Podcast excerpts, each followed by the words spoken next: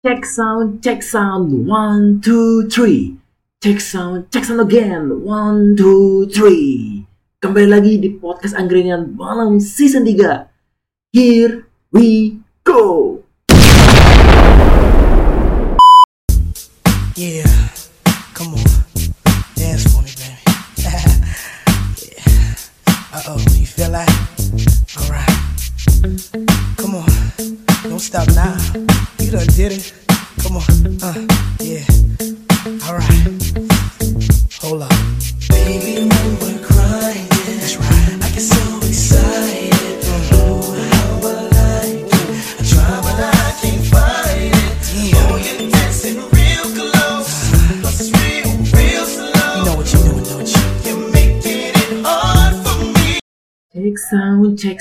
One, two, three. Oke, gila gue banget gak buat bangsat. Sumpah, gue terakhir buat itu bulan lalu. Gue bener semangat banget bulan lalu karena gue bener-bener comeback. Nah sekarang gue juga lagi comebackin lagi di bulan ini. Dan eh, gimana kabar kalian semua? Semoga baik-baik aja. Besok banget bahwa kita akan pemilu dan tentunya eh, Gen Z ini merupakan salah satu eh, apa namanya penyumbang suara utama di pemilu nanti. Jadi jangan ngadi antum, jangan memilih hal yang ibarat wih dapat serangan fajar. Jangan, simpannya duitnya buat jajan.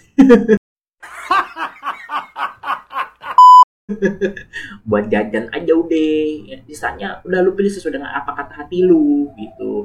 Dan sadar bahwa pemilih yang lu pilih itu benar-benar bisa membawa dampak baik. Jika ternyata yang lu pilih merupakan orang-orang yang membawa dampak buruk jangan dipilih. Harus. Seperti itu jadi udah pada siap belum nih untuk pemilu besok? Karena benar-benar besok tuh akan menjadi sebuah hal yang cukup luar biasa. Sudah pada ready apakah suara kalian sudah pada dibeli? Hah? Hah? Cuak oke apakah suara kalian sudah menjamin bahwa kalau kalian memilih ini orang akan menjadi seorang komisaris? Apakah menjamin? Cuak oke selanjutnya apakah teman-teman Gezi sudah terjamin bahwa kalau kalian memilih ini orang akan digampangkan mencari pekerjaan hmm? Hmm? Nggak sadar bahwa kalian sudah melakukan kena namanya apa namanya ucapan-ucapan janji manis. Sudah pada yakin? Hmm? Sudah yakin? Silakan anda memilih. Jika belum jangan. Karena kalau kalian memilih hal yang salah justru kalian akan merepotkan diri kalian sendiri. Yeah, boy. cerdaslah dalam memilih. Maksudnya cerdas dalam memilih di sini adalah jangan memilih orang-orang yang di mana itu memiliki maksud buruk terlebih lagi juga kemarin-kemarin kita kan sudah pernah men- apa namanya menonton dari debat cawapres capres. Sorry kebalik. Capres cawapres dari awal hingga akhir sekarang. Bahkan yang kemarin yang sampai di mana itu ada permintaan maaf dari salah satu paslon kepada masing-masing paslon. Mungkin ada niat buat kayak meminta maaf mungkin kemarin-kemarin ada salah atau apa walau alam sawab gitu. Tapi sekali lagi cerdaslah dalam memilih. Jangan asal pilih jangan ngadi-ngadi oke? Tetap take in easy oke So, today dengan malam ini yang alhamdulillah gua eh, dapat kabar info A1 dari angkringan yang biasa gua buat eh, apa namanya? eh, ini episode itu bukannya sore. Jadi ya menjadi sebuah kejutan aja sih. Dan alhamdulillah ya bagus lah. Dia bukannya sore. Kalau malam-malam mulu kasihan gue kapan pulang, cu. Oke, Today we are going ngebahas mengenai Gen Z lagi. Gen Z, Gen Z lagi. Karena kemarin gue udah bahas mengenai dari awal, ibarat kata kayak prolognya dulu, habis itu masuk ke dalam masuk ke dalam inti prolog. inti prolog sama aja bohong dong. Ya misalnya itu masuk ke dalam transisi antara prolog ke inti. Habis itu gue terakhir banget ngebahas mengenai apakah masuk ke HTS, FWB dan lain-lain. Nah itu masih eh, apa namanya masih terjadi di di era sekarang terbaik buat bagi Gen Z antum antum yang suka HTS sadar seperti itu nah sekarang kita akan bahas kembali ini lebih sedikit cukup eh, apa namanya gua ang- gua harap banget para penonton dari angkringan malam ini jelas gua jatuh Emotional, damn it.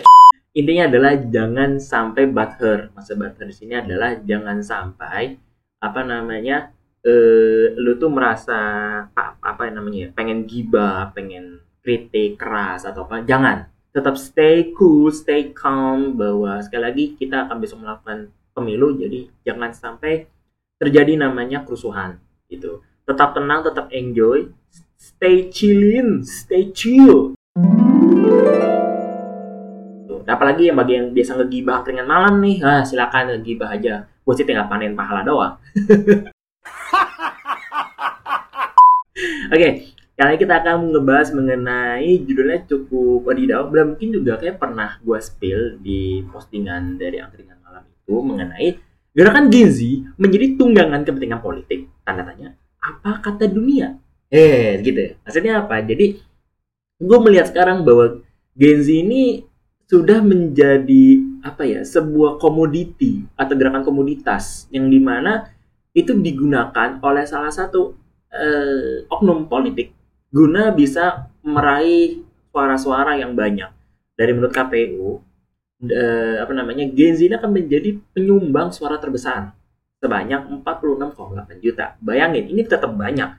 Jika sampai ini benar-benar di manage dengan baik, insya Allah akan berjalan dengan baik. Tapi kalau misalkan di manage secara buruk, tentu itu akan merusak citra dari jalannya demokrasi. Jadi ya, makanya itu jangan ngadi-ngadi dah sama Gen Z apalagi sekarang.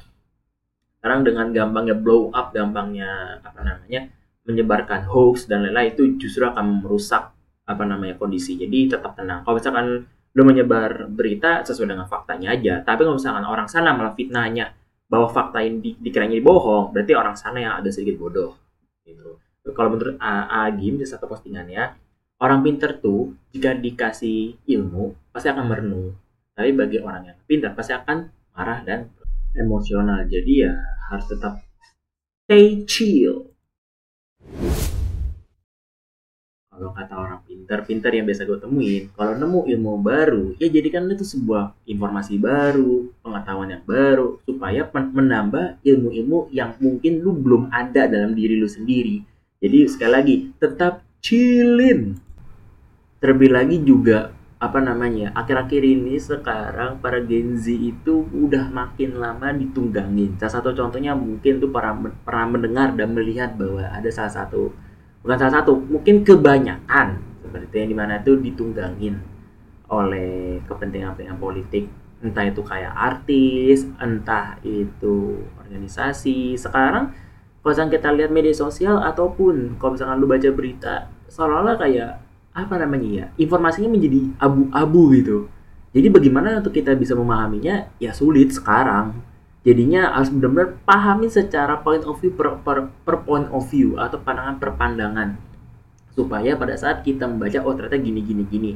Dan sekali lagi jadi karena itu menjadi ilmu baru wawasan baru dan penambah ilmu yang mungkin lu belum pernah punya di masa hidup lu. Seperti itu dan terlebih lagi dengan ada namanya fenomena-fenomena Gen Z yang artis ya mana itu sekarang ya sebenarnya nggak nggak nggak dari sekarang juga sih. Udah dari periode-periode sebelumnya. Lebih tepatnya tahun-tahun sebelumnya lah ya di mana para artis-artis yang Gen Z itu kolaborasi dengan bapak presiden yang di mana ibarat kata contoh kayak bar main-main ke istana. Sebenarnya dibilang untuk memberikan informasi nggak masalah. Tapi kalau misalnya ternyata ada di uh, misalkan ya pada saat lagi off air ternyata ada nah, ada namanya gerakan-gerakan tersendiri atau ucapan-ucapan tersendiri dari salah satu oknum nah itu agak berat seperti itu. Dan itu sedang terjadi di masyarakat kita. Lu lu, lu suka atau nggak suka ya itu sedang terjadi cuy. Dan lu nggak akan pernah merasa kayak kok kayak gitu kok kayak gitu ya bang ya? Mau ya kayak gimana lagi? Udah kayak begitu kok. Gua pun yang melihat pun kayak ya dibilang risih ya risih. Dibilang mengganggu ya mengganggu. Tapi ibarat kata malah menjadi stereotip baru. Dikarenakan mungkin lu juga pernah mendengar lah apa namanya pada saat lagi debat cawapres di mana kan ada figur Gen Z itu di situ kan. Dari mana nge, nge, apa namanya memberikan gimmick yang tidak sopan. Seolah-olah kayak eh ternyata Gen Z itu gini-gini ya. Jadi kayak anjir lah fuck lah gitu loh malu gua. Apa perlu gua buat namanya apa namanya eh, deklarasi bahwa gizi itu nggak gitu? Mau kayak gitu apa? Kayak kayak what the fuck lah. Tolonglah jangan jangan jangan bawa stereotip stereotip lagi lah. Tolong gitu. Please lah gitu loh. Please damai. Kita tuh benar-benar Gen Z itu adalah sekali lagi penyumbang suara. Kalau kita sendiri dicap takutnya jadi rebel mau jadi rebel kita ya enggak kan? Ya udah jangan ngadi-ngadi gitu loh. Dan berbagi juga ada fenomena lagi mengenai apa namanya Gen Z yang di mana terjun menjadi tim ses. Sebenarnya dibilang ini dari lama sebenarnya udah dari lama juga dari periode-periode tahun pemilu sebelumnya lah. Itu itu banyak banget. Tetapi ya gua harap sih orang yang masuk situ membawa sebuah inovasi. Tapi kalau misalnya sekedar hanya pengen hahi doang mending buat organisasi sendiri biar nggak rusak. Dan kita bisa lihat lagi di akhir-akhir ini banyak banget kegiatan yang disiarkan oleh pihak TV yang bekerjasama dengan KPU ataupun pihak-pihak media platform. Yang, yang mana itu menayangkan sebuah acara itu debat capres dan cawapres. Dan ternyata teman-teman itu membawa impact positif bagi para penonton. Terlebih lagi juga para penonton dari yang yang seperti kita tahu Gen Z itu ternyata menonton dan juga mereaksi. Dan bahkan banyak banget yang mereaksi itu semua dalam bentuk sebuah caption di media sosial dan ada juga yang mereaksi itu dalam bentuk pamflet dan ada juga yang memberikan sebuah fakta-fakta yang sedang dipaparkan oleh capres dan cawapresnya. Dan ditambah lagi dengan ada namanya akun-akun IG seperti Narasi TV, Tempo.com, ataupun dan yang lain yang sejenisnya itu memberikan informasi tambahan dan juga itu membuat kita jadi yakin bahwa oh ternyata paslon-paslon inilah yang menjadi eh, bisa membawa kebaikan bagi negara Indonesia yang tercinta kita ini. Dan juga banyak banget di media sosial itu banyak banget ternyata yang memberikan komentar ke dalam uh, apa namanya uh, pamflet atau fakta-fakta yang sudah dipaparkan dari tingkat yang mendukung, bingung, dan hate speech yang bertebaran di, di media sosial. Sebenarnya dibilang bagus-bagus aja, ya sekali lagi ini adalah merupakan asas demokrasi. Tetapi jika dibilang kok masih ada sih yang hate speech seperti itu ya, hate speech ya oke, okay? itu kayak ibarat kata jangan ya nggak usah lah gitu loh. Anggap aja itu merupakan sebuah ilmu baru kalau misalkan lu nggak suka ya, ya, ya jadikan tuh sebagai jokes aja supaya lu tuh nggak kaku banget dan andai kata kalau misalkan lu ternyata adalah pecinta akademisi coba lalu cari di jurnal atau enggak di web-web yang terpercaya ataupun cari-cari aja web yang memiliki kredibilitas yang tinggi supaya lu makin yakin dengan pilihan lu. Kalau lu aja tiba-tiba nyinyir jadi maunya speed wah maunya ngomongnya bangsa ini bangsa ini bangsa gak usah gitu loh. Chillin enjoy the moment aja boy yang namanya kalah menang emang wajar tetapi kalau misalnya lu memilih orang yang salah bahaya yang ada seperti itu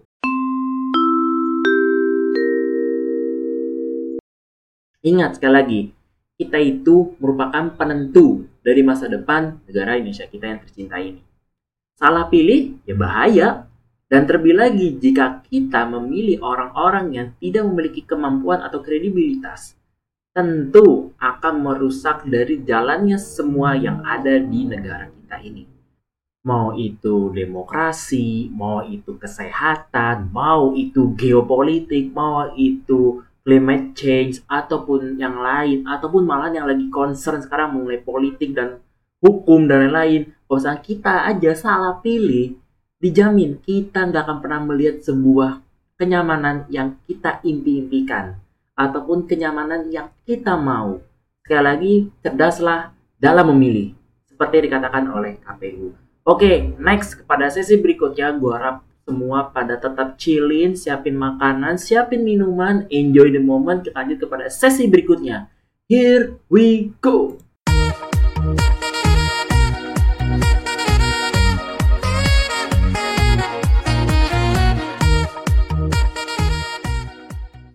Oke teman-temanku, sebelum dilanjut, di sini gue akan memberikan sebuah disclaimer karena gue buat ini pada tanggal 13 sampai 14 dan uploadnya sekitar tanggal 15. Jadi andai kata ada namanya perbedaan kalimat atau perbedaan kayak lo kok sebelum, lo kok sudah kayak karena berjenjang gitu pembuatannya. Jadi gue benar-benar minta maaf dan sekali lagi andai kata ada salah-salah kata pada saat penyampaian kata-kata di beberapa sesi-sesi di episode ini, gue benar-benar minta maaf dan gue harap uh, episode ini menjadi sebuah ilmu baru, pengalaman baru dan menjadi sebuah wawasan baru karena yang namanya Gen Z itu perlu diajarin kembali.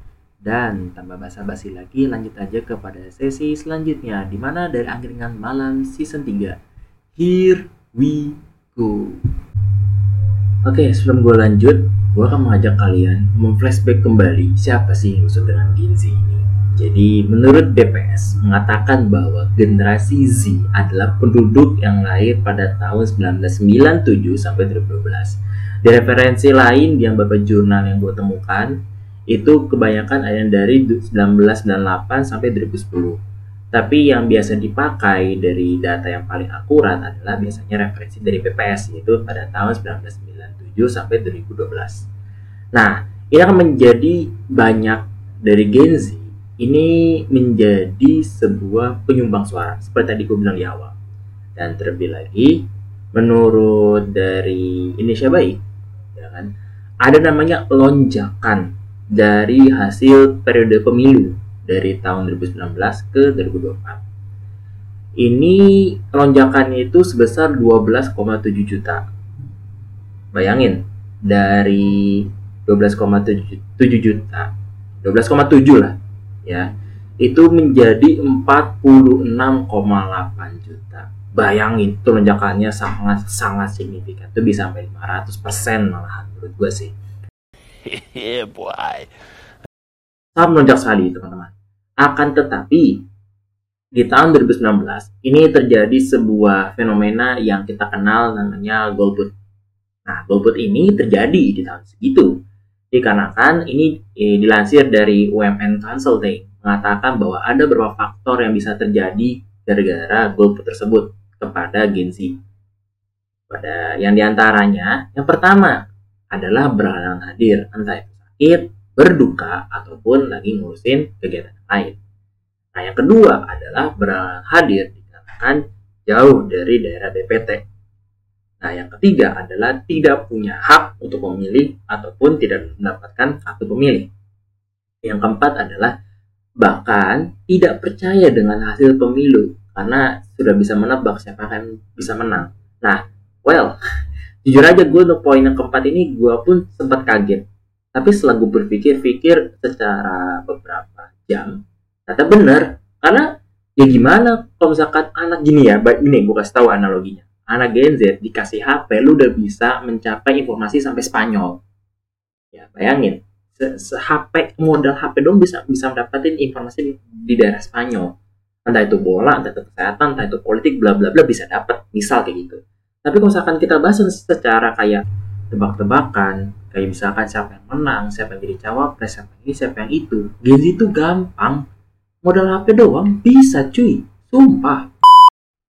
Ya, kan tetapi meskipun Gen Z kita memang luar biasa, tapi yang namanya golput menjadi sebuah penyakit yang di mana benar-benar merusak. Dan bagi yang nggak tahu apa itu golput, jadi menurut hukum online mengatakan bahwa golput ini disebut menjadi seseorang ini mana itu tidak mau menggunakan hak pilihnya dalam pemilihan umum.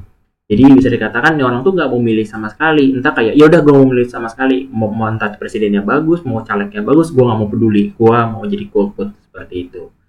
Dan terlebih lagi kalau misalkan kalian bertanya apakah e, golput ini memiliki hukuman? Andai kata kita tuh misalnya kayak e, kita nih terjadi namanya golput atau teman kita terjadi namanya golput apakah itu dapat hukuman pidana? Nah ini ternyata meskipun ini tertera pada UU pemilu tetapi ini tidak dideskripsikan bahwa kayak misalnya gini e, golput sama dengan hukuman penjara. Enggak tetapi ini ada kalimatnya yang bisa menjadi makna tersirat. Jadi begini ini menurut UU pemilu di apa namanya di pasal 284 dalam bunyinya seperti ini dalam hal terbukti pelaksanaan dan tim kampanye pemilu menjanjikan atau memberikan uang atau materi lainnya sebagai imbalan kepada peserta kampanye secara langsung atau tidak langsung untuk yang pertama tidak menggunakan hak pilihnya, yang kedua menggunakan hak pilih dengan memilih peserta pemilu dengan cara tertentu sehingga suara-suaranya tidak sah. Yang ketiga adalah memilih pasangan calon tertentu. Yang keempat adalah memilih partai politik peserta pemilu tertentu dan atau memilih calon DPD tertentu dan misalnya terjadi seperti itu akan disangsikan dalam undang-undang berikut ini. Nah ini ini tuh tertera pada apa namanya di pasal-pasal berikutnya. Tapi gue pengen menjelaskan dulu. Jadi maksud dari pasal yang tadi gue bacakan itu adalah kalau kita ibarat kata dija- dijanjikan atau diberikan atau di apa namanya diberi sebuah materi lainnya ya dalam bentuk kayak imbalan karena tidak menggunakan hak pilihnya itu akan mendapatkan hukumannya. Nah, ini tuh tertera. Nah, ini terteranya di pasal 515 dan 523 ayat 3 UU Pemilu. Bunyinya adalah yang 515 adalah setiap orang yang dengan sengaja pada saat pemungutan suara menjanjikan atau memberikan uang atau materi lainnya kepada memilih sorry maksudnya kepada pemilih supaya tidak menggunakan hak pilihnya atau memilih peserta pemilu tertentu dan menggunakan hak pilihnya dengan cara tertentu sehingga surat suaranya tidak sah maka akan dikenai pidana paling lama 3 tahun dan denda paling besar 36 juta. Nah, ini diperkuat dari pasal berikutnya dari pasal 523 ayat 3 yang berbunyi setiap orang dengan sengaja pada hari pemungutan suara menjanjikan atau memberikan uang atau materi lainnya kepada pemilih untuk tidak menggunakan hak pilihnya atau memilih peserta pemilu tertentu dipidana dengan pidana penjara paling lama 3 tahun dan paling besar adalah 36 juta. Nah, ini menjadi sebuah concern. Misalkan nih para teman-teman lu pada atau para caleg-caleg atau para para eh, apa namanya sangat fajar, tolong please Ingat, kita bisa menjaga jalan demokrasi ini secara baik, adil, dan makmur. Ingat, lu berjurdil. Oke, okay? asas itu paling penting. Jika kita tidak menjalankan asas itu, percuma kita menjadi sebuah negara demokrasi, malah akan terdengar seperti kayak demokrasi semu. Seperti itu ya, teman-teman. Next, kalau saya bertanya, Bang, berarti misalnya kita golput, berarti otomatis pidana dong? Ya, sebenarnya balik balik lagi kepada itu hanya kepada orang-orang yang terindikasi kecurangan. Seperti itu teman-temanku. Pemilih itu memiliki apa namanya bahasanya ya. Dia tuh punya e, protect atau shieldnya. Nah ini tertera nih teman-teman. Dikarenakan menjadi seorang hak pemilih atau tidak memilih itu dianggap sebagai hak konstitusional yang dilindungi oleh negara. Jadi yang namanya pemilu di Indonesia itu memiliki kebebasan untuk mengekspresikan tersebut. Jadi bisa dikatakan bahwa ini sebuah apa namanya ya keamanan seperti itu. Dan terlebih lagi kalau menurut hukum online mengatakan bahwa secara intisarinya adalah kalau misalkan golput bukan tindakan pidana, ya kan? Pada dasarnya golput ini merupakan bentuk dari abstain Nah, bagi yang nggak tahu apa itu abstain, ini masih dilansir oleh hukum online mengatakan bahwa ini abstain adalah mekanisme yang disediakan dalam setiap instrumen pengambilan keputusan dalam berdemokrasi. Abstain ini juga e, menentukan pilihan dan juga merupakan sebuah bentuk ekspresi dalam partisipasi dalam politik dan tidak dikatakan sebagai tindakan pidana. Tetapi ibarat kata itu terjadi kalau misalkan adanya kecurangan yang dilakukan oleh pihak-pihak, misalkan sebut saja caleg lah gitu ya. Nah ternyata apa namanya eh, dia itu mengancam, eh, sorry bukan mengancam, tapi memberikan sebuah materi ataupun uang, nah itu akan dipidana bisa. Tapi bagi para sang apa namanya pemilih, ibarat kata kayak gua, lu pada itu aman. Seperti itu. Jadi yang namanya iklan-iklan yang biasa kayak bilang gini, eh temen lu nih ngajak lu golput berarti lu kena pidana. Enggak gitu juga. Berarti lu salah dalam konsep berpikir. Jadi tetap slow but sure aja gitu loh. Lu jangan ibarat kata jangan ngadi-ngadi lah gitu loh lebih baik diingetin aja. Karena kan masih ada tahap-tahap untuk, untuk bisa mencapai kata tindakan pidana gitu loh. Ibarat kata misalnya masih masih minim banget ya lu ingetin aja lah kayak mediasi bisa kayak gini. Eh lu lu jangan gitu. Kalau misalkan apa ibarat kata ibarat kata tuh kita punya hak sendiri loh. Kalau misalkan lu mengganggu haknya gua berarti lu sama aja lu nggak menghargai haknya gua. Ibarat kata ya lu di negara yang berdemokrasi ya lu harus bisa menghargai satu sama lain gitu loh meskipun terdengar kurang relevan meskipun kayak terdengar kurang ajar ataupun lu nggak suka ataupun lu nggak demen ya lu hargai karena itu merupakan sebuah hak ataupun pendapat-pendapat orang lain dalam mengekspresikan misalkan lu aja ibarat kata mengekspresikan seseorang aja dibatasin, apakah lu masih dianggap sebagai manusia berdemokrasi? Ya tentu saja jawab gue secara gue ngomong secara sub, uh, subjektif ya, mungkin enggak gitu. Karena ya lu ya lu ibarat kata enggak menghargai sih. Kecuali kalau misalkan lu menghargai, lu menghormati, bahkan lu ibarat kata lu mengarahkan, andai kata terjadi namanya mispersepsi, itu lebih keren malahan. Dan terlebih lagi, ini juga tertera pada pasal 23 ayat 1 diisi tentang Undang-Undang HAM yang di mana menjamin semua kebebasan seseorang untuk memilih dan juga mempunyai keyakinan dalam politiknya.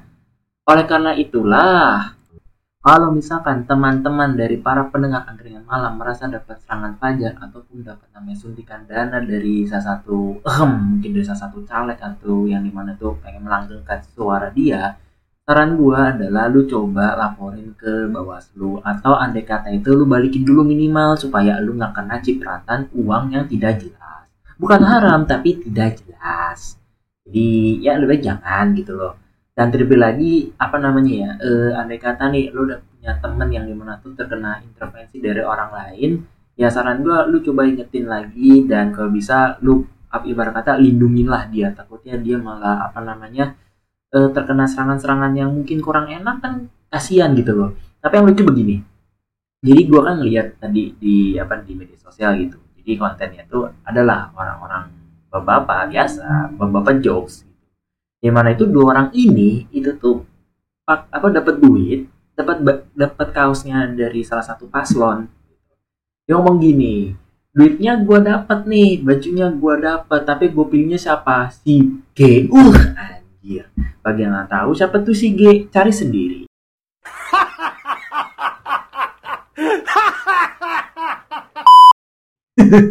Tapi lucu lucu banget sobatnya kayak oh my god ini bentuk bahwa ya udah jangan sampai terpengaruh lah. Kalau bisa dibuatin jadi sebuah video yang lucu-lucu aja supaya yang melihat video itu kayak wah ternyata ada untungnya juga ya. Di antaranya gue dapet uang tapi gue belinya sesuai dengan hati gue itu baru cerdas. Bisnis. Tapi ya seperti itulah. It's a suck life. Fuck it. Yap tetapi sekali lagi ini sudah di tahun 2024 ini mana sekarang pada tanggal 14 Februari tahun 2024 yang paling luar biasa adalah hari ini sudah hari pemilu di seluruh negara kita tercinta kita parah tapi ingat sekali-sekali kita harus bisa mengawasi, mengamati, dan juga bisa membersamai. Dan terjadi namanya kecurangan, silahkan laporkan. Dan kalau misalkan kalian bingung ke mana lapornya, kalian bisa ke salah satu panitia KPPS, atau bisa laporin ke Bawaslu, dan juga melaporkan bahwa ini terjadi namanya kecurangan. Dan kalau misalkan kalian gak punya relasi ke situ, silakanlah dibuat menjadi sebuah layaknya berita di media sosial ataupun di tempat lain. Intinya jadikanlah itu sebuah berita seperti itu teman-teman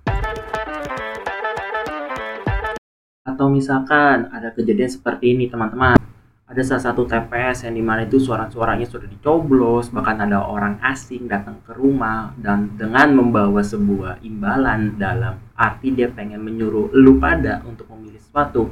Please jangan oke? Okay? supaya ke depannya lu tuh bisa belajar bagaimana cara berjalannya sebuah pemilu. Dan dan terbinya lagi lu bisa memahami sebuah ilmu demokrasi. Karena ya mungkin ada beberapa generasi yang di mana itu sedang pertama kali demokrasi. Mungkin ada yang kedua kali ada yang ketiga kali bahkan sampai ada yang bosen pun juga ada. Jadi marilah kita membersamai jalannya demokrasi ini dengan baik. Dan terlebih lagi ingat ini sudah tahun 2024 ini mana semua orang pasti akan mengincar jabatan. Semua orang pasti akan memperkaya dirinya sendiri dan juga hanya untuk kelompoknya saja. Oleh karena itulah, please jangan lu mau tingkatnya BEM, lu mau, mau lu mau tingkatnya adalah provinsi, daerah ataupun wali kota ataupun presiden sekalipun, please lu punya masyarakat, lu punya warga, lu punya orang yang butuh lu ayomin, lu juga seorang pemimpin. Jika pemimpinnya aja masih kayak begitu, hanya bermodalkan sebuah gimmick demi mendapatkan sebuah apa namanya suara please jangan karena kalau misalkan lo hanya mengincar suara dan pengen mendapatkan jabatan pemimpin lo akan merusak semua tatanan yang sudah ada dari zaman dulu oke kalau misalkan lo pengen merubah menjadi baik silakan tapi kalau misalkan malah merubah makin buruk dari sebelum-sebelumnya ya jangan deh apalagi dengan ancaman bahwa nanti di, dikenakan UU ini, UU itu, A, I, U, E, O. Ya, sampai kapan pun nanti ada, ada namanya titel baru. Demokrasi super semu. Apakah lu mau seperti itu? Gua sih nggak akan mau terjadi seperti itu. Oke, selanjutnya kita akan bahas lagi nih mengenai ini topik yang akan dibahas pada hari ini dan tentunya harus pada stay tune di mana di angkringan malam season 3. Here we Kalian sedang mencari hostingan terbaik dan mudah dalam memonetize. Pas banget nih lo dengerin ini.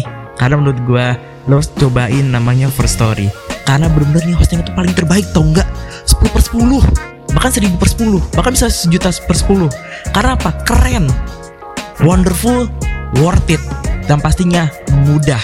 Dan ini bisa digunain di semua platform atau semua device yang lu punya gitu. Mau di iPhone mau di mana pun bisa bahkan lu bisa mendetailkan pendengar lu. Dengan cara apa? Lu tinggal gunain aja first story. Lu bisa tahu dari situ. Dan lu bisa mengeksplor semua semua pendengar dari episode-episode podcast lu. Dan sekali lagi jangan lupa gunain first story di device kalian di mana pun kalian suka. Sebentar, gue pengen minum dulu.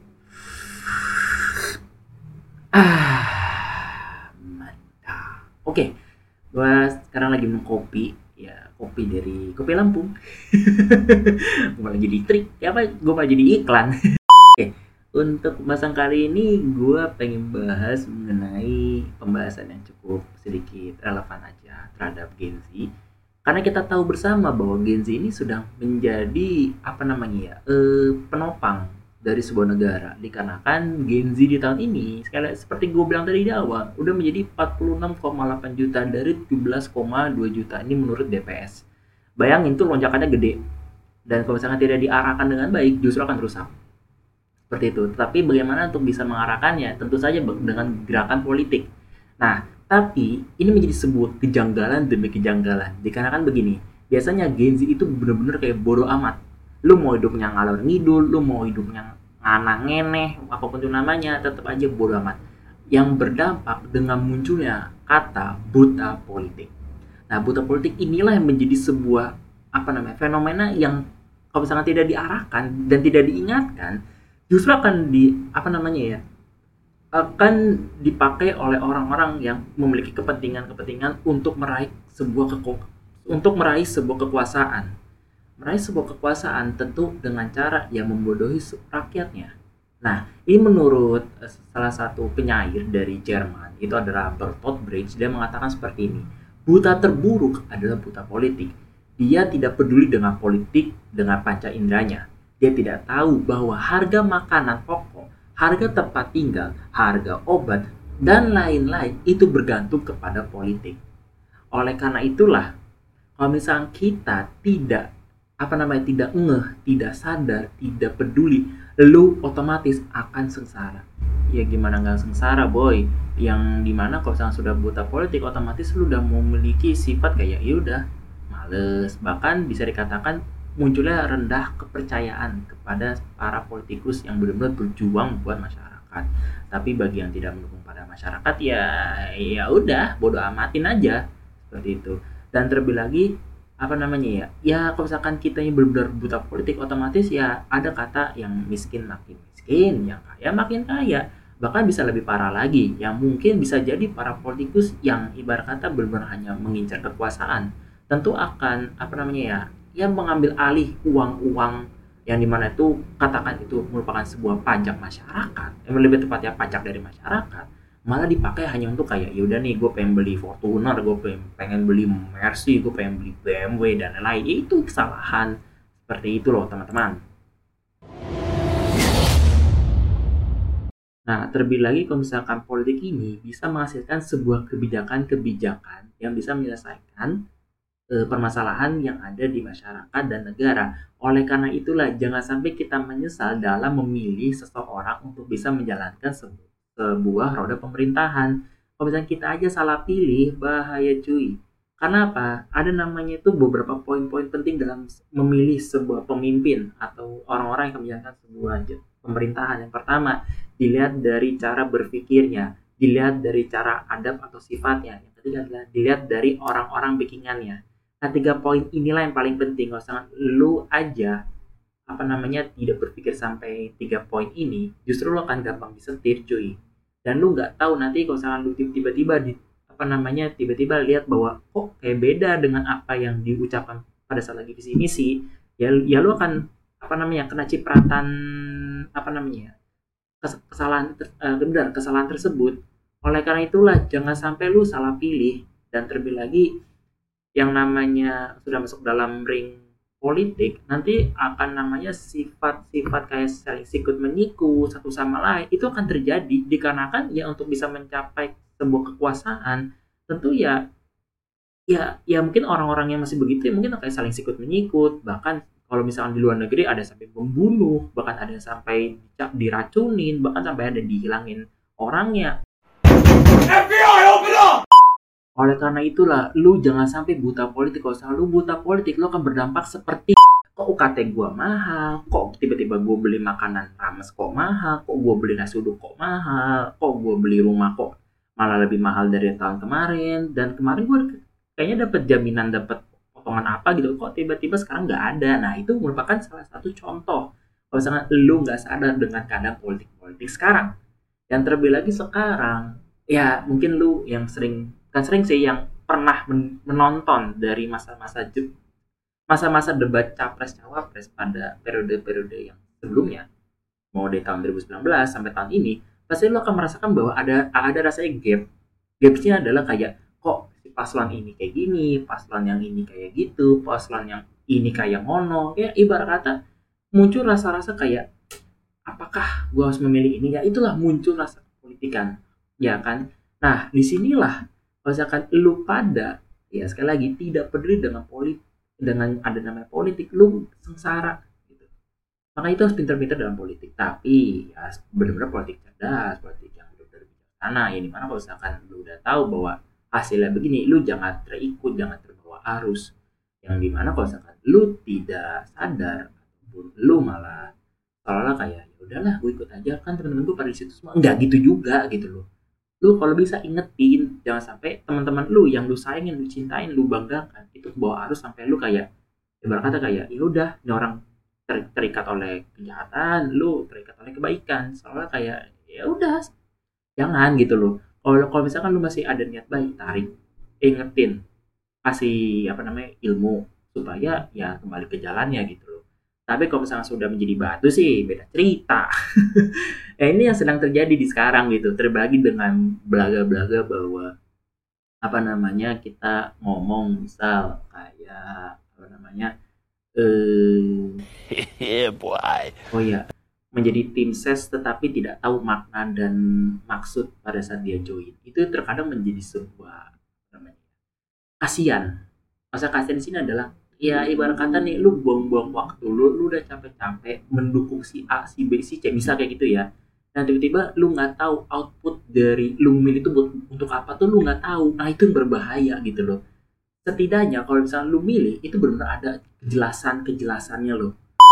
Misalkan lu milih si A, si B, si C, dia memiliki beberapa masing-masingnya kayak misalkan bisa bangun kota, menjaga mutu, habis itu bisa apa namanya mencegah ada namanya eh, anti pelecehan seksual ataupun apa namanya meningkatkan eh, keilmuan ataupun misalkan kayak memajukan apa namanya itu memajukan kenyamanan bagi para disabilitas dan lain atau diberikan apa namanya kesempatan kerja bagi yang memiliki keterbatasan. Itu menurut gua oke lah lu menjadi tim ses nggak apa-apa. Tapi kalau misalkan lu menjadi tim ses yang ibarat kata ikut-ikut doang hanya mengincar duit doang habis itu hanya sekedar kayak kayak ya udah goyang ya udah kayak apa namanya eh, hanya sekedar hanya pengen mendengar sebuah kesenangan.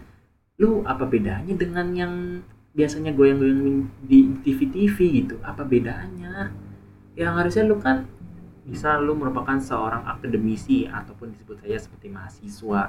Kalau misalkan lu nya aja salah ibarat kata salah milih ataupun lu masuk tim ses tetap nggak tahu outputnya atau eh, muaranya apa bedanya dengan orang-orang yang biasa masuk TV yang di mana kayak gua kaya gua punya duit gua bisa beli sesuatu sedangkan lu nya tertindas Emotional damage. apa bedanya cuy? Seperti itulah tolong misalkan masuk tim ses berikanlah sebuah inovasi berikanlah sebuah narasi berikanlah sebuah apa namanya yang benar-benar membawa ke apa namanya kemajuan. Akan tetapi kalau misalkan elunya aja masuk tim ses hanya sekedar pengen mencari kesenangan duit dan lain-lain mending kerja dan clubbing aja sana ya gimana lu? Masuk tim hanya sekedar gitu doang mah kasihin kepada diri lu doang. Yang harusnya memberikan sebuah aspirasi kepada yang sedang lu pilih melainkan lu hanya sekedar kayak oke gas. Oke gas. Jeng jeng jeng jeng. Ya tolonglah gitu loh. Kasihan diri lu. Apa lu nggak mikir buat ke depan lu yang jangka panjang? Misal kayak gini lu nggak mau mikir misalkan lu nyari kerja tuh gampang. Habis itu juga lu dapat namanya bantuan modal ataupun lu ibarat kata lagi lagi bangun bisnis nih tapi pajaknya tiba-tiba gede banget. Pasti lo akan berharap kayak ya ampun gue sih berharap pemerintah sekarang bisa menurunkan pajak-pajaknya supaya gue bisa membangun bisnis ini secara lebih berkembang lagi.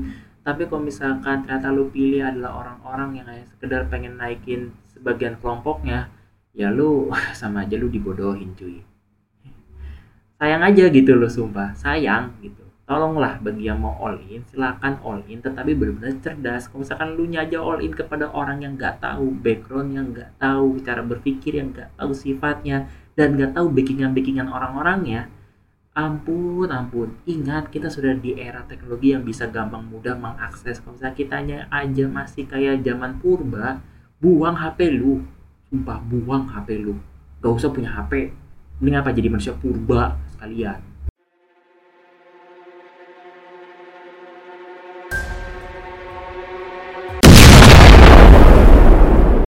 dan eh ini sih yang tetap gue masih agak sedikit apa namanya masih pengen gue bahas mengenai kepolitikan kampus yang di mana jujur aja gue masih agak risih dengan apa namanya beberapa senior senior ataupun para orang-orang yang katanya besar. Tetapi ujung-ujungnya malah merusak sebuah jalannya demokrasi. Nah itu banyak terjadi di kampus-kampus besar dan di mana ibarat kata ya backingannya senior. Padahal senior itu ibarat kata sudah mau lulus lah lagi skripsian lah bahkan sudah lulus pun tetap aja ngurusin organisasi tersebut. Yang padahal substansi dari senior itu adalah untuk menjadi tempat untuk pemberi saran aja. Jika nggak diberi saran ya udah nggak apa-apa. Oh ya sama sama ini satu lagi. Plus minta duit. Lu punya duit, lu punya kuasa. Oke. canda cuy canda cuy. Canda canda. Jadi maksudnya gini kalau misalkan lu minta senior ya lu lihat dulu lah. Kalau misalkan seniornya udah jabatannya bagus bisnisnya lancar ataupun keuangannya oke lu bisa mintain. Kalau misalkan enggak ya jangan dipaksain lah. Dan ingat juga kalau misalkan lu pengen minta ya lu bener-bener jelas mintanya buat apa. Kalau misalkan hanya sekedar pengen buat jajan digedik yang ada dipukul yang ada elunya tapi kalau misalkan benar-benar jelas dan benar-benar membawa manfaat bagi organisasi yang sedang lu ikutin tentu akan dikasih dan juga pasti lu akan diminta untuk melakukan hal yang sama kepada di bawahnya lu supaya ada namanya semangat yang baru. Kalau misalnya lu nya aja tidak melanjutkan kegiatan hal tersebut itu sama aja bohong cuy. Seperti itu. Oleh karena itulah benar-benar ada namanya regenerasi gitu. Terlebih lagi misalnya regenerasi dari seniornya juga benar-benar baik. Kalau misalnya sekedar seniornya hanya untuk apa namanya menunggangi sih apa bedanya dengan negara sekarang? Kayak gitu ya kan dan gue sih lebih kasihin aja gitu orang-orang kayak temen-temen gue yang berbagai macam kampus di luar sana dari PTN sampai PTKIN yang di mana ngebawa sebuah visi misi bagus tetapi di backingannya oleh senior. Yang di mana se- seniornya pun juga memiliki kekuatan supaya ibarat kata ya semua sesuatu itu berjalan. Entah itu hukumnya diubah ataupun cara berpikir dari ketuanya malah berubah yang harusnya bisa pro kepada mahasiswa atau pro yang lebih tepatnya eh, masyarakat kampus itu malah nggak nggak pro. Justru hanya mementingkan ya mementingkan masih apa namanya anggotanya doang dan sekelompoknya doang. Dan ingat kalau misalnya kayak begitu doang gak usah jadi seorang ketua dan wakil ketua gak usah gitu. Ingat lu itu punya warga, lu punya masyarakat yang di mana secara haknya itu lebih tinggi dari lu. Misalnya lu nya aja nggak dengerin, gak usah jadi pemimpin. dan ingat cara bisa mengaspirasikan itu juga atau lebih tepatnya menjemput itu juga butuh waktu boy ibarat kata ya lo bisa masuk ke kelas per kelas atau nggak mungkin kalau- secara efisiennya buat Google Form tetapi kalau misalkan Google Form itu kurang ya lo masuk aja ibarat kata sebar nih nih nih nih, nih. dan ingat kalau selalu kerja berdua doang ketua dan wakil ketua gila yang ada lu. Kalau bisa eh, pada saat sudah eh, pembentukan kabinet lo langsung tuh suruh semua kementerian tuh turun ke masing-masing kelas supaya bisa mendengarkan aspirasi-aspirasi dari masyarakat itu. Kalau misalnya sekedar kayak manut apa kata senior mau stagnansi lo seperti itu aja sih menurut gua. Nah dan terlebih lagi juga memang sih kalau misalnya lu merasa kayak bang berat bang kayak begitu. Ya lu kan punya sekali lagi lu udah punya kabinet. Ya kali lu nggak manfaatin kabinet lu. Ibarat kata kalau misalkan lu pendekatan secara birokrat ya bawahan lu ya pendekatan secara per kelas per kelas suka nggak suka ya begitulah namanya pemerintah. Harusnya kayak begitu cuy. Mendengarkan aspirasi bukan sekedar hanya ibarat kata omongan-omongan senior-senior yang berkedok kayak mencari keuntungan doang. Jangan oke? Jangan ya cerdaslah dalam mau melakukan sebuah kegiatan pemerintahan apalagi tingkat kampus yang dikatakan sebagai apa namanya miniatur negara. Suka nggak suka mau nggak mau ya begitulah cara menjemput sebuah aspirasi. Jadi ya cerdaslah gitu loh. Misalkan sekali lagi pimpinannya mendekat kepada birokrat supaya memperkenalkan proker-proker lu yang ke para kabinet lu ya lu masuk dalam masing-masing kelas. Entah itu bentuknya seperti tadi gue bilang di awal kayak itu ditulis dalam bentuk kertas atau enggak ya kirim aja G-form dan nanti lu bisa apa namanya mengawasi dalam jalannya itu eh, apa namanya penerimaan aspirasi. Supaya lu juga bisa merasakan bahwa oh begini ya cara mendengarkan sebuah aspirasi. Seperti itu. Kalau misalkan hanya sekedar kayak ya udah gue ikutin apa kata apa namanya LPJan sebelumnya. Ya lu apa bedanya dengan periode-periode sebelumnya cuy? Hanya sekedar kayak ya udah gue pengen lihat wah ternyata eh, rekomendasinya gini gini gini ya bagus memang men- menjalankan sebuah rekomendasi nggak masalah. Tetapi apakah lu hanya sekedar mencari inovasi dari rekomendasi? Tent- tentu enggak dong. Pasti kurang lah bahan-bahannya. Berarti dari mana? Ya dari aspirasi. Yeah, boy. seperti itu. Kalau misalkan bener-bener gak suka dalam bentuknya secara formal ya udah lu buat aja secara kopdar. Undang semua mahasiswanya. Suruh buat apa? Kopdar yuk gitu. Kita mendengarkan sebuah aspirasi dalam bentuknya di tempatnya kafe atau enggak di di pinggir jalan supaya terdengarlah aspirasi-aspirasi itu. Kayak gitu aja gak usah kolot lah gitu loh. Gak usah kolot enjoy aja. Dan terlebih lagi dalam memilih isi kabinet pun juga harus benar-benar orang-orang yang memiliki kapabilitas yang benar-benar sesuai dengan kementeriannya atau departemennya. Kalau misalkan hanya sekedar kayak ya udah nih ini temen gua ini temen gua ini teman-teman nih harus masuk semua. Yang nggak gitu berarti lu sama aja lu nggak menerima cara orang untuk memulai kerjaan di dalam proses mengimplementasikan narasi lu. Kalau seandainya aja masih begitu gak akan pernah maju. Masih aja kata stagnan akan menghantui diri lu pada. Jadi dengan cara apa? Ya lu bener-bener bisa menerima orang baru untuk masuk dalam kabinet lu. Syukur-syukur apa? Ambil positif baiknya. Itu apa lu bisa belajar dari dia atau dia belajar dari lu atau bisa jadi bisa membangun relasi-relasi yang mungkin dulu pernah rusak oleh orang-orang sebelumnya. Bisa jadi loh. Harus berpikir sampai situ. Tapi kalau misalkan sekedar kayak ini teman gue ini teman gue ini sahabat gue ini orang masuk dalam kabinet gue mati aja lu. Itu aja. Gak guna lu kalau misalkan lu masih berpikir seperti itu. Dan ingat juga kalau misalkan lu menemukan apa namanya eh, sebuah kecurangan dalam bentuknya itu jalannya demokrasi entah itu kampus atau negara silakan menghubungi orang-orang yang benar-benar bisa dihubungin supaya bisa langsung ditindak langsung. Seperti itu. Oke ya gua harap sih lu pada bisa mengerti lah ya dalam konteksnya ini sekarang. Karena gua tahu bahwa lu tuh orang-orang hebat lu tuh orang-orang yang luar biasa. Dan gua harap lu jangan sampai seperti kayak negara sekarang lah yang di mana ya lu pada kesel sendiri lah pasti dengan melihat keadaan sekarang. Ya kan? Dan oh ya ini tambahan sebuah informasi yang mungkin apa namanya menjadi eh, bahan renungan aja untuk sesi penutup. Gimana yang dengan malam sisa 3 here we go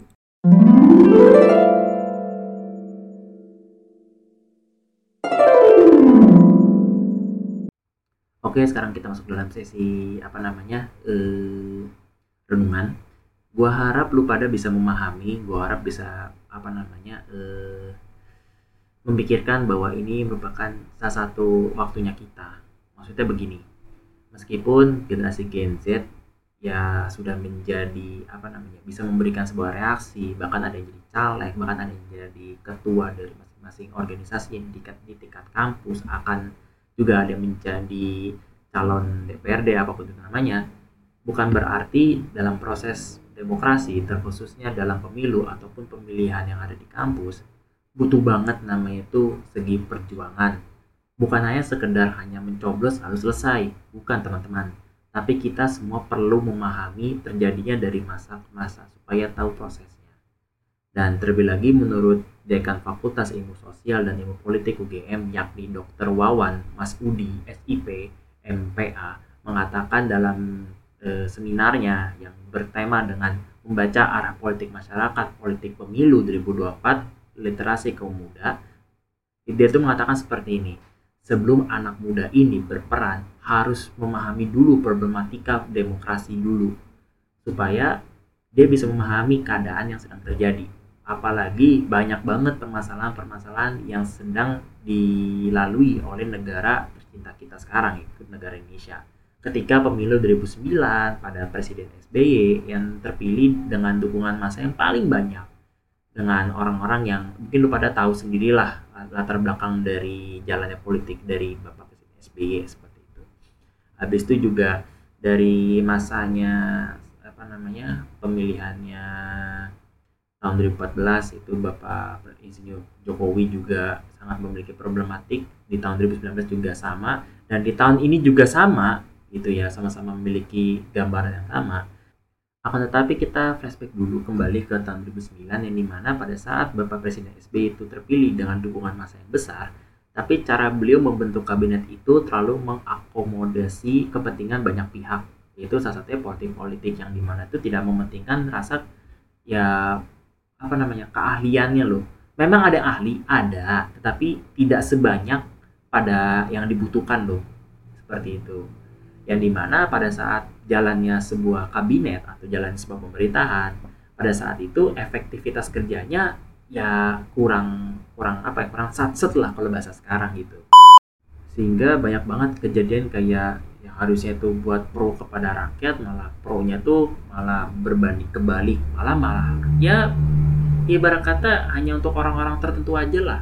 Sehingga masyarakat itu kayak merasa tidak diadili tidak mendapatkan apa namanya hak-haknya yang justru harusnya menjadi seorang pimpinan dari sebuah negara harusnya itu bisa mengayomi semua hak-hak dari rakyat-rakyatnya itu terlebih lagi ini diperkuat dengan ucapannya Dr. Ari Sujito MSI Benny merupakan sebuah dosen dari UGM juga. Dia juga memberikan pandangannya terhadap demokrasi Indonesia.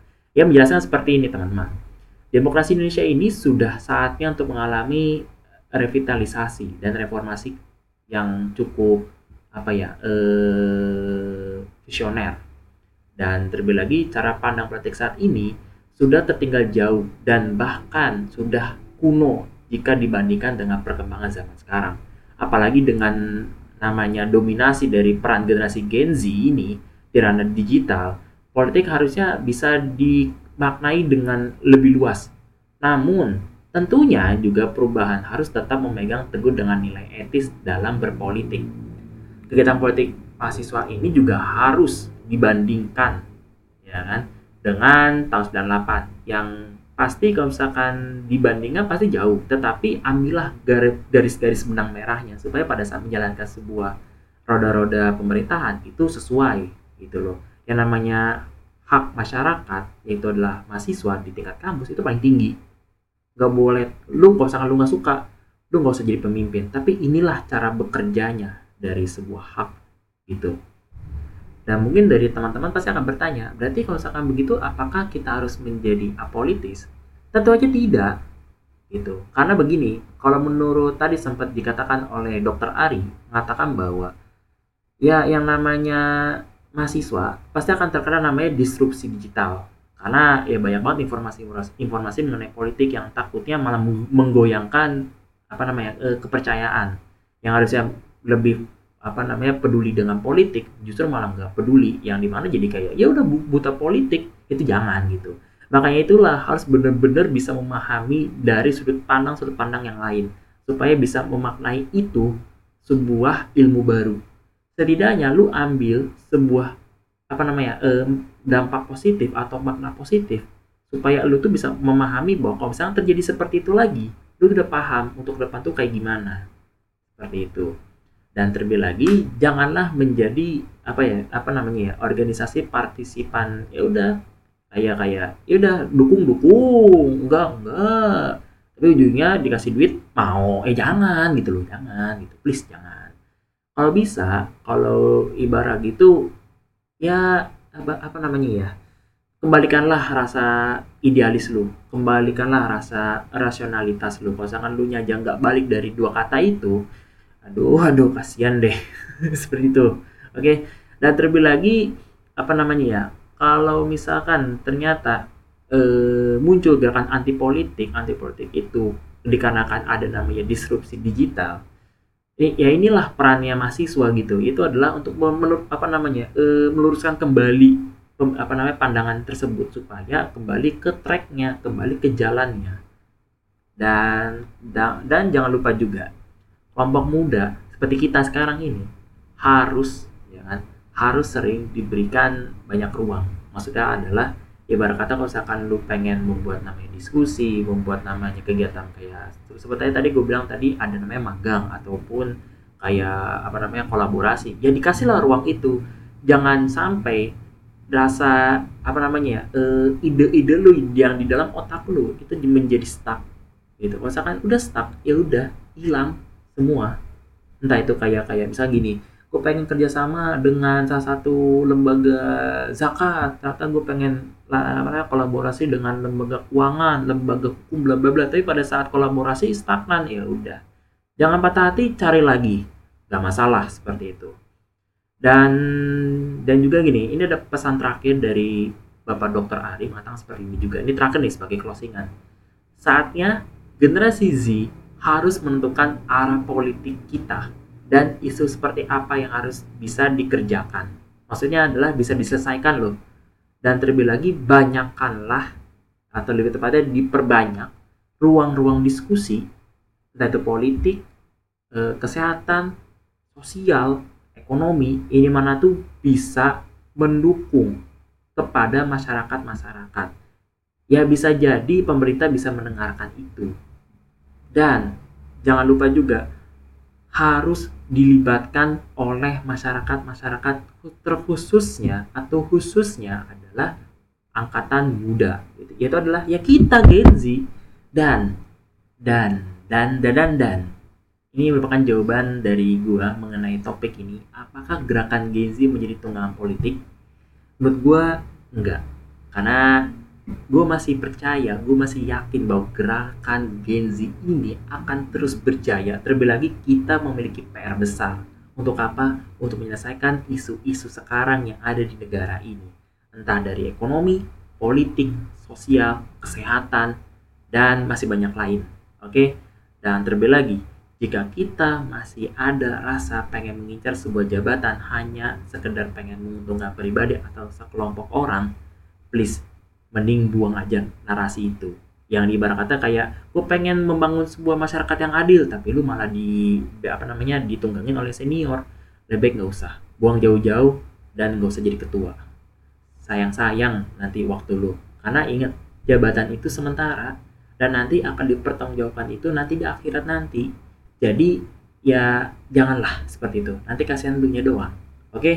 Oke mungkin segitu aja dari gua. Uh, thank you for the listen this episode. Uh, jujur aja gua agak sedikit emosional pada episode ini karena gua sayang sama para penonton gua. Karena gua nggak mau penonton dari angkringan malam itu menjadi penonton yang atau pendengar yang agak sedikit goblok. Gua nggak mau.